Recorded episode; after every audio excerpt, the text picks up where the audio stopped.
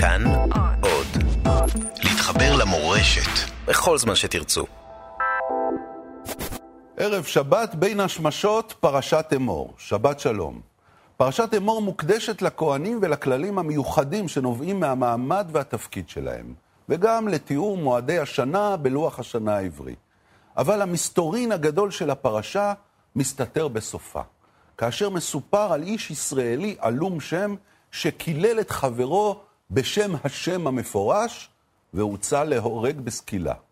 בעזרת האורח שלי, דוקטור הלל בן ששון, ננסה להבין את הסודות הגדולים המוצפנים בשמות השונים של האל, מדוע היהדות מתייחסת ביראה ובחשש לאזכור של השם המפורש, ולמה במגילת העצמאות קוראים לו בשם צור ישראל.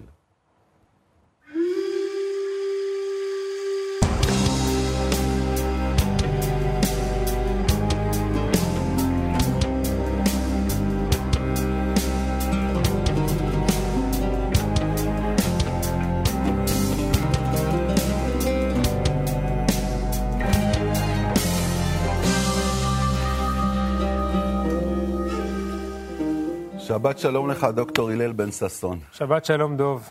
תשמע, אתה פרסמת לאחרונה את הדוקטורט שלך שעוסק בשם הוויה, בשם המפורש, בשם הקדוש ביותר אה, אה, בתרבות היהודית, והוא גם כן אה, חלק מהנושאים אה, החשובים בתוך הפרשה שלנו. אבל כיוון שאנחנו בה' באייר, תשע"ט, ערב שבת בין השמשות, הרגע שבו בעצם בן גוריון אה, הכריז, קרא את אה, מגילת העצמאות ובעצם הכריז על הקמת המדינה, אז בוא רגע נעצור שנייה להתעכב על מה שקרה שם, כן? צור ישראל. צור ישראל. בפסקה האחרונה של מגילת העצמאות הם חותמים מתוך ביטחון בצור ישראל. ככה הם מסיימים את, ה, את המגילה.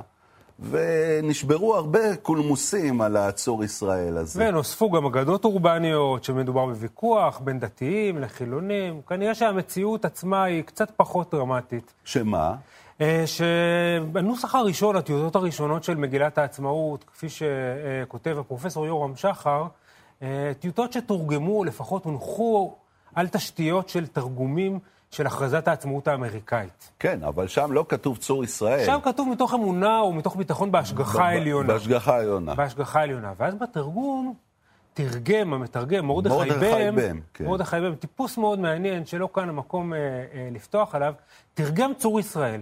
ובן גוריון השאיר, אחרי שהשאיר צור ישראל, אז התחילו הדרשות, בן גוריון עצמו אמר, עבור הדתיים, זה יכול להיות אמונה בצור ישראל. אותו צור שמופיע בפרשת, אה, בפרשת האזינו, הקדוש ברוך הוא כסלע שאנחנו נשענים עליו ובו אנחנו נסמכים. לעומת זאת, עבורנו, סלע קיומנו המקורי אולי, ועבור, אה, ועבור החילונים, אמר בן גוריון, צור ישראל זוהי עוצמתו, נחישותו וחוזקו של עם ישראל, ששב מן הגלות להתחדש ביישוב העברי בישראל. אבל אתה יודע מה, אני רוצה לחלוק עליך קצת, תרשה לי. אני גם חקרתי קצת את הנושא הזה של צור ישראל, וגיליתי משהו מאוד מאוד מעניין. שאולי המילה צור היא, היא מילה של סלע, היא מילה של אבן, אבל בתרבות היהודית, צור ישראל תמיד נסמך לגאולה. נכון. כן, כמו בתפילת ערבית, אה, צור ישראל, קומה בעזרת ישראל. כן. ופדה כינומך יהודה וישראל, ברוך אתה אה, גאל ישראל. זאת אומרת, זה שם של גאולה. נכון. ולכן... זה לא נראה לי פספוס שמישהו סתם תרגם אה, צור ישראל, אלא יש פה איזה משהו שקשור לגאולה. אז כמו שאתה באמת אומר... וזה מכוון, הרי, הרי המייסדים של המדינה, למרות שהם היו מפאיניקים, אה, חילונים, אולי אפילו אתאיסטים ברובם, הם האמינו בגאולה. לגמרי. הציונות, הציונות הסוציאליסטית הייתה משיחית לחלוטין. נכון. משיחית לחלוטין. שזה מדהים. האנשים האלה הגיעו לפה, בן גוריון מתווכח בשנות ה-50, אחרי שמוקמת המדינה, עם אחד האינטלקטואלים הבולטים בארץ, נתן רוטנשטרייך, שאומר לו, אוקיי, הכרנו מדינה, הגיע הזמן לנורמליות. אומר, מעל דפי העיתון, בן גוריון, ראש הממשלה, אומר לו, טעית, אנחנו חיים בעידן משיחי. ואין פה, ואין פה שום דבר שהוא נורמלי. שזה דבר שמדהים אותי. איך יכול להיות בן אדם משיחי, או גאולי, נקרא לזה במילה רכה קצת יותר, כי משיחי זה תמיד יבוא איזה משיח על חמור, על, על חמור לבן, וגאולי זה לראות את התקופה כתקופה של גאולה. כמו שאחר כך הציונים הדתיים ראו את זה, התחלתא דגאולה. ממש ככה. הוא היה כזה, הוא בעצם, אבל בלי הפוך, אמונה... הם היו כמוהו. אבל בלי אמונה? אני חושב ש... איך זה עובד? יש אמונה גדולה בכוחות של ההיסטוריה. תחשוב שאתה נולד ב-1900 ו... לא, הוא נולד לפני, נולד בסוף... 20, 1910. אתה נולד, בס... אתה, אתה נולד בסוף המאה ה-19 בעיירה קטנה בתחום המושב במזרח אירופה. חיים מאוד עלובים. אתה חי בבוץ, פשוטו כמשמעו. במשך ה-50-60 שנה הראשונות של החיים שלך, אתה עובר יבשה, חווה שתי מלחמות עולם, ועד לכך שמעם נטול זכויות לחלוטין, אנחנו הופכים להיות לארגון שהוא כל כך ממוסד, שהוא לא רק מצליח להקים מדינה, אלא לנצח שבעה צבאות. הם עוד לא ידעו שהם ינצחו. ש... כנראה שכן ידעו. ביום שהם קראו צור ישראל הם לא ידעו. כנראה שכן ידעו. יש היום מחקרים שאומרים שבן גוריון ידע שיש לצה"ל עדיפות ארגונית ועדיפות חימושית בתחומו טוב, הוא עבד על זה קשה. ודאי, כל הכבוד. מה שאני רוצה להגיד זה שאומנם מביאים נשק מצ'כיה, ודואגים לתרגם את מגילת העצמאות האמריקאית, ומקימים מוסדות, ויש פוליטיקה, והכל מאוד ארצי, אבל קשה מאוד, קשה מאוד לעמוד מול ההיסטוריה הזאת ולהגיד הכל פה נורמלי. זה כמו שאנשים אחרי 67 אומרים, כמעט הושמדנו לפני, גם על עבד אל-נאצר מאיים עלינו בשואה שנייה. תוך שישה ימים אנחנו משלשים את הטריטוריה שלנו וכובשים את הכותל המערבי. צריך בודדים יכולים לעמוד מול הדבר הזה ולהגיד, חברים, הופה. אז הם קופצים על שתי החתונות כן. בעצם, כן? על, על שני הסעיפים. הם גם אה, לא מאמינים בדת, אבל נצח ישראל, וגאולת ישראל. סיכם את זה יפה הפרופסור אה, אמנון רז קרקוצקין, שהוא אמר, הציונים במה הם מאמינים? שאין לנו אלוהים, אבל הוא הבטיח לנו את הארץ. אז זה מתבטא בצור ישראל, זאת אומרת... הם לוחצים פה על הכפתור הזה. כן, כן. ומה שאנחנו מגלים שזה לא, לא מקרי, זה מדויק. וזה גם לא רטוריקה, זה מסמל את איפה שהם. הם אנשים מאוד רליגיוזיים. ציונות היא פרויקט דתי, בהרבה מובנים. גם הציונות החילונית היא פרויקט... גם הייתה. אולי היום עם משהו אחר, אולי אנחנו פותחים משהו אחר. קראתי, אגב, משהו מאוד נחמד ומעמיק ויפה שכתב אה, אה, אבי אלקיים, חוקר הקבלה, שפורס את המשמעויות השונות של אה, המושג צור ישראל, והוא מדבר על צור בתור סלע, בתור משהו קשה שעליו נסמכים, ואז גם צור ישראל זה אלוהים שלנו, האלוהים שהוא פרטיקולרי של היהודים. שלנו. אבל הצור הוא גם הצייר. Mm.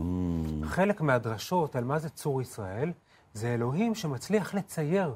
הוא מצליח במים של הרחם, שזה משהו שהוא... אז זה גם לא, שם של לא... לידה. כן, זה שם של לא... לידה, לא, זה לא קשה. וזה גם לא רק מבריע לנשי ומכיל. Mm. ואז אלוהים הוא לא רק הצור החזק, שאפשר להסתמך עליו, הוא גם הצייר שמצייר את הדיוקן של העובר. בתוך מי הרחם, ומשם נולד משהו חזק של החלוטין. אתה מבין, הלל, שזה לא תרגום של מגילת העצמאות האמריקאית. נצנצה בהם רוח הקודש. אתה, זה, אתה, יש בך חסד. נצנצה בהם רוח הקודש. לא יכול להיות שהיה להם את כל הכוונות האלה במקרה שהם יכתבו במגילת העצמאות צור ישראל תשמע, לגמרי במקרה. אני אספר לך סיפור. טוב, סבא שלי, הוא שירת תחת בן גוריון. מי זה סבא לך? בממשלה, יוסף בורג. סבא שלך. סבא שלי, בורג. כן. בורג.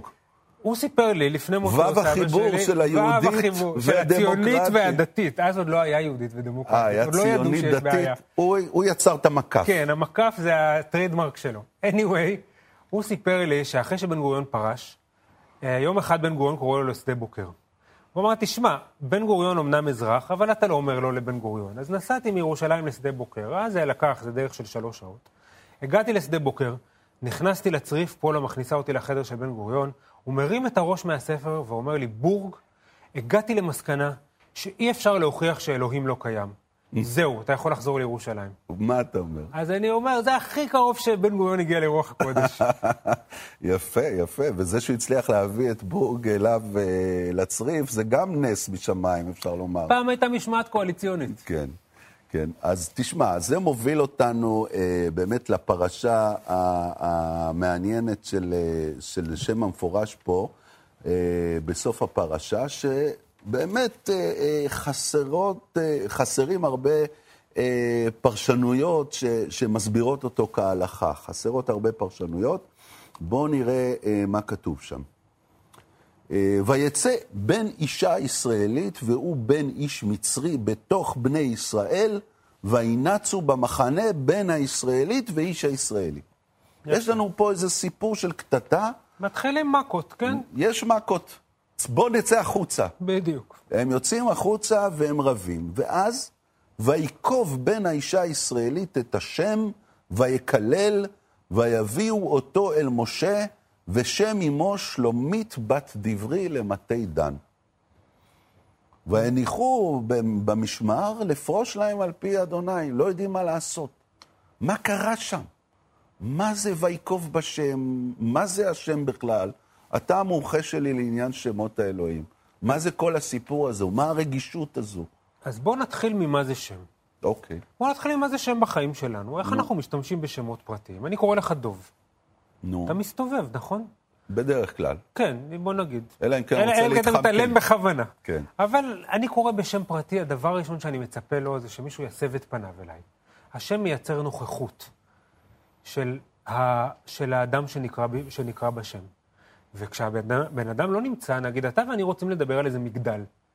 עכשיו, אנחנו יכולים להגיד, יש מגדל אחד, הוא נמצא בין נ"צ כזה וכזה, ב, ביבשת אמריקה, בחלק הצפוני, ולפרט סדרה של תיאורים ארוכים על השם הזה. אנחנו יכולים להגיד, תשמע, ה-Empire State Building, אתה היית בקומה הראשונה? אז השם הפרטי, Empire State Building, מאפשר לנו להתייחס למשהו כשהוא לא נמצא לידינו. במילים אחרות, השם הוא אמצעי להנכיח משהו. להנכיח את מה שנקרא. משהו שלא בשם. קיים אה, משהו באופן של... חושי לפנינו. משהו שלא זמין לנו מיד. Mm-hmm.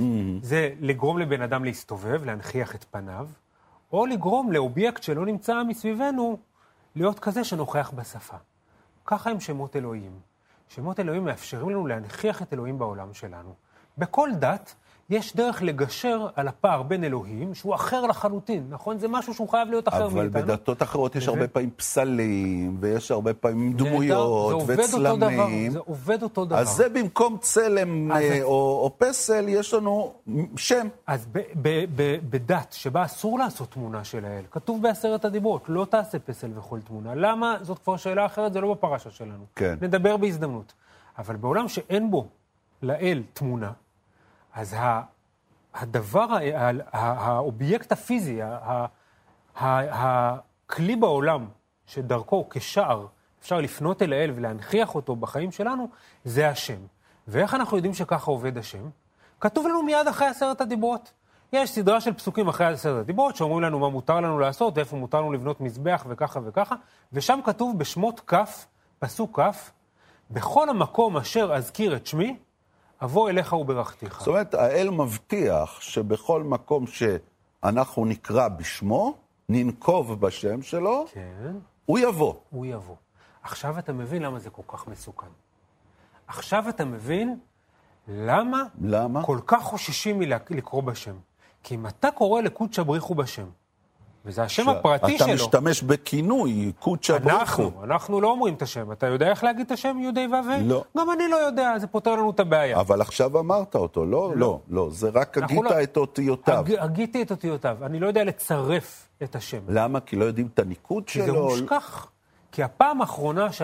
שאנשים שמעו איך אומרים את השם, היה בתקופת המקדש. וזה רק פעם אחת בשנה, ביום כיפור, יוצא הכהן הגדול מקודש הקודשים, ואומר את השם המפורש. והמשנה מתמקדת בפה, עושה זום אין, כמו בסרט, לש... לפה של, הש... של הכהן הגדול, ואומרים, והכהנים והעם, כשהיו שומעים את השם המפורש, יוצא מפיו של כהן גדול בקדושה וטהרה, מה שאפשר לדמיין את השם יוצא מהפה, כל העם קוראים ומשתחווים. זה ממש ההתגלות. כי הוא נוכח. כי אז הוא אמר אותו, ואז האל נוכח. וכשהאל נוכח, אתה משתחווה, חביבי. אוקיי? אז הרגישות של השם נובעת מזה שהוא עובד. מזה שאם תקרא לאל, הוא עשוי להגיע. ואם אתה קראת לו שלא כדין, יהיה. אוי ואבוי. איך אנחנו יודעים? זה קרה לנו בחטא העגל. מה, שהם קראו לו שלא כדין? שעשינו שם כל מיני עניינים, אלה אלוהיך ישראל, אמרנו על איזה עגל, שהוא האלוהים הזה, והקדוש ברוך הוא נוכחות אלוהית, זה דבר שיכול להחריב את כל העדה. מסוכן, אם זה לא בצורה של... ולכן מיד, אח, מיד אחרי חטא העגל, מה הקדוש ברוך הוא אומר למשה? הוא קורא לו, הוא אומר לו, אני לא אלך איתכם, מלאך ילך איתכם. Mm. ואז משה אומר, אתה מצאת חן בעיניי, ואנחנו מכירים אחד את השני בשם, יש לנו היכרות אינטימית. אני משה ואתה הקדוש ברוך הוא, אז אתה תלך איתנו. ואז מה הקדוש ברוך הוא אומר למשה? אני אלך איתכם. ואיך הוא אומר את זה? הוא אומר, אדוני, אדוני אל רחום וחנון. הוא קורא בשם שלו כדי להנכיח לא, את עצמו. לא אדוני, שם המפורש. שם המפורש. אז טוב. אדוני אז... זה כבר כינוי. זה כבר כינוי. אז כן. תראה, אנחנו אה, ניקח הפסקה קצרה, אה, ואחר כך בעצם ננסה להבין מה ההבדל בין כל השמות האלה ומה קרה פה בפרשה המוזרה שלנו. מצוין. בסדר? תכף נשוב.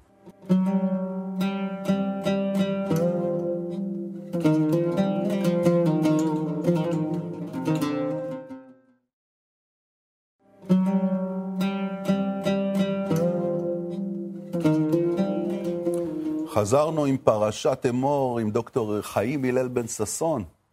דוקטור חיים הלל בן ששון, אז זה מזכיר לי הרבה מאוד חוקרים שהיו במשפחתך. היו, אתה היו. אתה אולי הרביעי במשפחה. אני, כן, אני... החלק הטוב שלי קבור באדמה, כמו בצל. אז uh, uh, כתבת ספר, uh, שם הוויה, שהוא בעצם uh, ספר שאיבד את הדוקטורט שעשית באוניברסיטה העברית בירושלים, ובו חקרת את הגלגולים השונים של השם המפורש.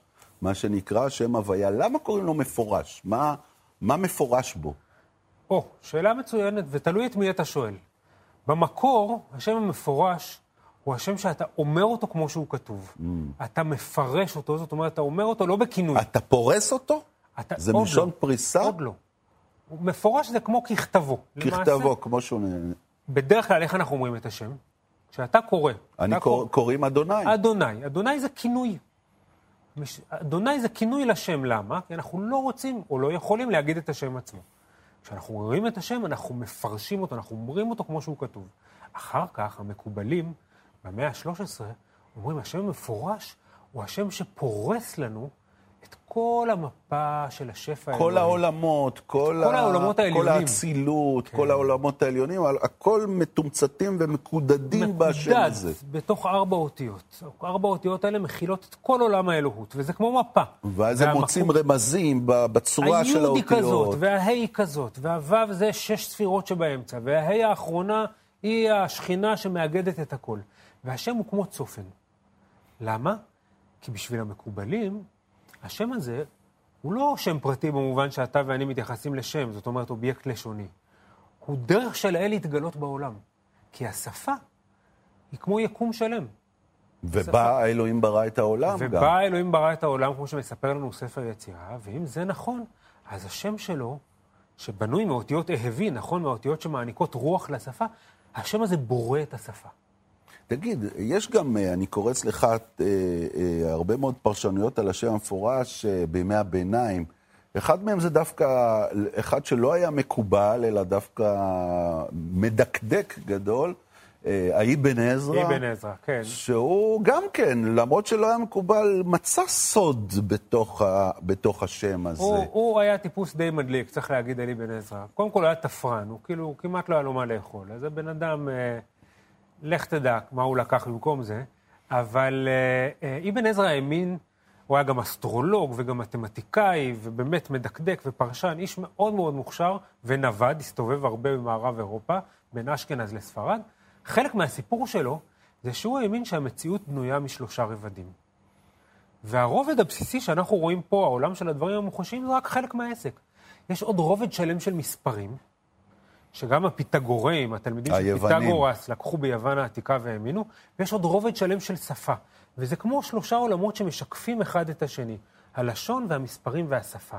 ושם השם מבחינתו הוא מפעם בכל העולמות האלה, הוא מפעיל את כל העולמות האלה. כמו שהאל ברא את העולם ומקיים את העולם, ככה ארבעת האותיות של השם מפעילות את השפה, וגם, ואז יש גם עוד מלא גימטריות וגיאום. וגם זה שם שכולל את כל הטיות הזמן בעצם, נכון? לפי זה... חלק מהמפרשים. יש בו, יש בו הרבה הטיות זמן. אתה יכול כן. להתייחס לזה כעתיד, נכון. אתה יכול להתייחס לזה כהווה. וכעבר, היו הרבה אנשים שראו את זה. אז בעצם יש בזה משהו, זה, זה הפועל הבסיסי של השפה. להיות, להיות, נכון. to be, כן. נכון.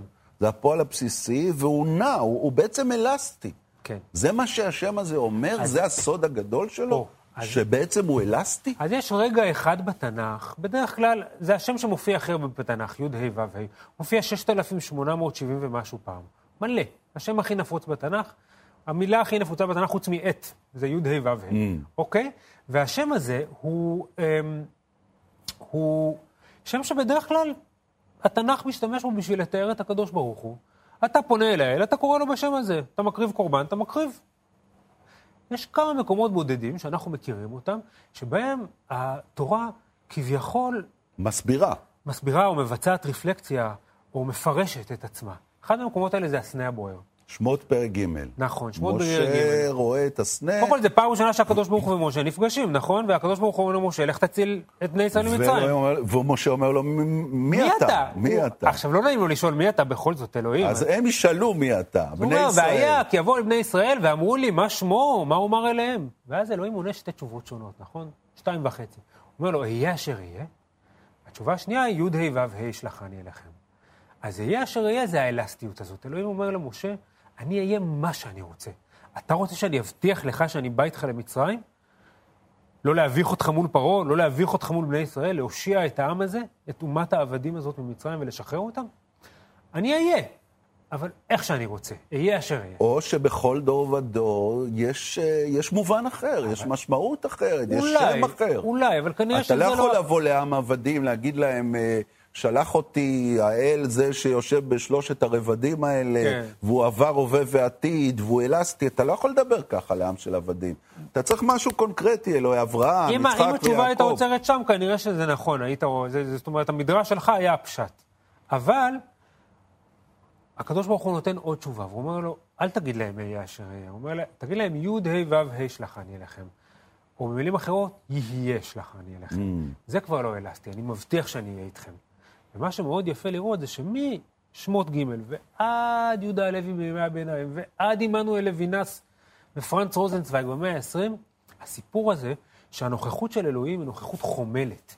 היא נוכחות של רחמים, mm. זה דבר שעובר כחוט השני בכל הפרשנות. שזה שם של רחמים. ש, ש, שאלוהים, שזה הטייטל, אלוהים זה תפקיד, זה כמו סגן אלוף. Mm. זה מי שאחראי אנחנו מכירים... שררה או סמכות. כן, או שופט, זה מי שמנהל את העסק. אז זה תפקיד, אלוהים... השם אלוהים. הקדוש ברוך הוא, כשהוא לובש את השם אלוהים, את מידת, אז הוא לובש את מידת הדין. וכשהוא לובש את השם הקדוש ברוך הוא, מה לובש... אומר? הקדוש ברוך הוא זה שם יותר מאוחר. חז"ל מפרשים, מחדשים את השם הזה, אבל מבין השמות שמופיעים בתורה, אז מספרים לנו החכמים ששם אלוהים זה שם של דין, שהשם הפרטי שלו, י' ה' ו' ה', זה שם של אהבה. זה שם של רחמים. תגיד, לא רק יהיה, הוא יהיה בטוב. מתי התחילו, מתי התחילה לדעתך האינפלציה הזו בתרבות היהודית, שבהתחלה התחילו לקרוא לו אדוני? כן. ואחר כך אפילו אדוני נזהרים לו להגיד את המילה הזו, אז אומרים השם. כן. וכשכותבים, כותבים עם ד', או מפסיקים בכל מיני מקפים. נכון. כל האינפלציה הזו בפחד והרתיעה מלגעת ב... בשם המפורש. אז אני חושב שזה התחיל בפרשה שלנו. כן. כן. בגלל המקלל. אה, לא בגלל המקלל, בגלל הסיפור. מה הסיפור הזה אומר? מה הוא עשה? אוקיי. בוא נזכר רגע בפסוקים. ויקוב. איש בן, איש, איש בן מצרי, שהוא בן אישה ישראלית משבט דן, זה מעניין שקוראים לה בשם שלה ומזכירים אותה ולא את האבא. לא אופייני למקרא, אולי יהיה לנו זמן לדבר על זה אחר כך. רב, הוא רב עם מה שנקרא ישראלי טהור, כן? בן תערובת עם ישראלי טהור. בדיוק, והוא מקלל בשם. נוקב ומקלל בשם. מי? הבן תערובת. בן התערובת, מקלל בשם. אבל כתוב שהוא ויקוב. יפה. זאת אומרת, מה, הוא הוגה אותו ואז משתמש איתו לקללה? אנחנו לא יודעים, אבל מה אנחנו כן יודעים? אנחנו יודעים ש... אנחנו זוכרים שם זה דבר שמנכיח את האל. יש במזרח הקדום הרבה מאוד טקסטים בבבל ובספרות האכדית ובספרות השומרית, שמספרים לנו שמה שאנחנו קוראים לו מלאך, זאת אומרת איזושהי נוכחות לוקאלית של אלוהים, אז קוראים לזה גם שם. נכון כתוב בספר דברים, אני אשכן את שמי בבית? יהיה איזו נוכחות אלוהית בתוך בית המקדש. מה זה יהיה? מה זה הדבר הזה ששוכן בין הקרובים? אנחנו לא בדיוק יודעים. אבל זה נוכחות שלהם. אז מה הוא עושה? אז יכול להיות, יכול להיות, שהוא ממש נוקב מחורר. מה, מה, מה, לוקח סכין כן. ונוקב אותו בתוך uh, מגילת כלב שכתוב עליה נגיד, כתוב שם המפורש? כתוב י' ה' ו' ה' והוא קורע. והוא קורע, יכול להיות ש... כן. אבל למה הוא עושה את זה? מה, הוא רוצה הרי לקלל את, ה, את, ה, את בעל הפלוגתא שלו, את אז, האיש הישראלי. אז, אז מה זה עוזר אמרנו, לו? אמרנו, בעולם הדבר שהכי מנכיח את האל זה השם, נכון? אז מה, הוא רוצה בעצם, מה, לפגוע באלוהים? אם אתה פוגע באלוהים, אתה עושה איזה אקט מגי. אתה עושה איזה אקט של כישוף. שאו שהוא יפגע בבן אדם שאותו אתה מכשף, נגיד כתוב, יכה השם הזה את... פלוני. פלוני, כתוב נוקב בשם, נכון? זאת אומרת, יכול להיות שמה שהוא נקב זה את השם של הבחור שהוא הלך איתו מכות. אה, אבל הוא עשה את זה בשם. אבל הוא עשה את זה יחד עם השם. Mm. אתה רואה פה גם פעולה פיזית אבל יש פה ביחד, ממש... כן. ביחד. שם זה, שם זה דבר פיזי. זה שאתה או אני, שאנחנו אנשים מודרניים שחיים במאה ה-21... אני לא בטוח שאני מודרני. אני גם לא בטוח, אבל בוא נגיד, הכי, הכי, הכי מאוחר, אתה באזור המאה ה-18, רב נחמן כזה? נגיד, די חסידות. מודרני, כן. די מודרני, כן. מבחינתנו, שפה, במיוחד שפה שהיא צלילים ולא שפה כתובה, היא דבר שיש לו פחות ממשות מאשר לאנשים שחיים בלי מסכים, בעולם שבו ידע מועבר בעל פה, וזוכרים mm. הכל. תגיד... אז ברגע שאומרים שם, יש לו נוכחות. תגיד, הלל, אה, מי האלוהים שלך, האדוני שלך, הקדוש ברוך הוא שלך? אז הש... הקדוש ברוך הוא שלי הוא השם, הוא שם השם, הוא השם של... שם המפורש. שם של מידת הרחמים, כן. כן, שמה זה אומר? הספרי בדברים, המדרש של, ה... של התנאים, שנכתב בישראל במאה השלישית לספירה, אומר, כל מקום שאתה מוצא י' ה' ו' ה', זו מידת הרחמים. זה הקדוש ברוך הוא שלי, שמכיר בחולשה האנושית ומבין שאנחנו יצורים מאוד שבריריים, שעושים המון טעויות, אבל הוא מושקע בפרויקט הזה. הפרויקט הזה של שיפור בני האדם, הפרויקט הזה של תיקון עולם, הפרויקט הזה שלדעתי מדינת ישראל יכולה וצריכה להיות חלק ממנו. הפרויקט של צור ישראל. הפרויקט של צור ישראל, אבל כציור, כציור. כיצירה. Mm. לא הפרויקט של צור ישראל כקושי, כדין. הפרויקט של צור ישראל כרחמנות. שם של לידה. פרויקט של צור ישראל כבריאה חדשה. קיבלנו מתנה לפני 71 שנה, 72 שנה עוד מעט. מתנה אדירה. מתנה, שנים, דורות, מאות, לא הייתה לנו ריבונות, אבל הריבונות באה עם אחריות. מה נצליח ליצור פה? זאת שאלה ענקית, אבל זה על הכתפיים שלנו. והוא, י' ה' ו' ה', הוא הבטיח לנו כבר שהוא יהיה איתנו, אם אנחנו ננהג ברחמים. תודה רבה, דוקטור הלל בן ששון, שבת דוב, שלום. תודה, דוב, שמחתי. תודה. תודה שציירת לנו את השם המפורש ככה בפרוטרוט. שבת שלום. שבת שלום, תודה רבה גם לכם, שבת שלום. בשבוע הבא, פרשת בהר עם הזמר שי צברי, לשיחה אישית על מעמדות, על מוסיקה ועל אדמה. שבת שלום ומבורך. thank you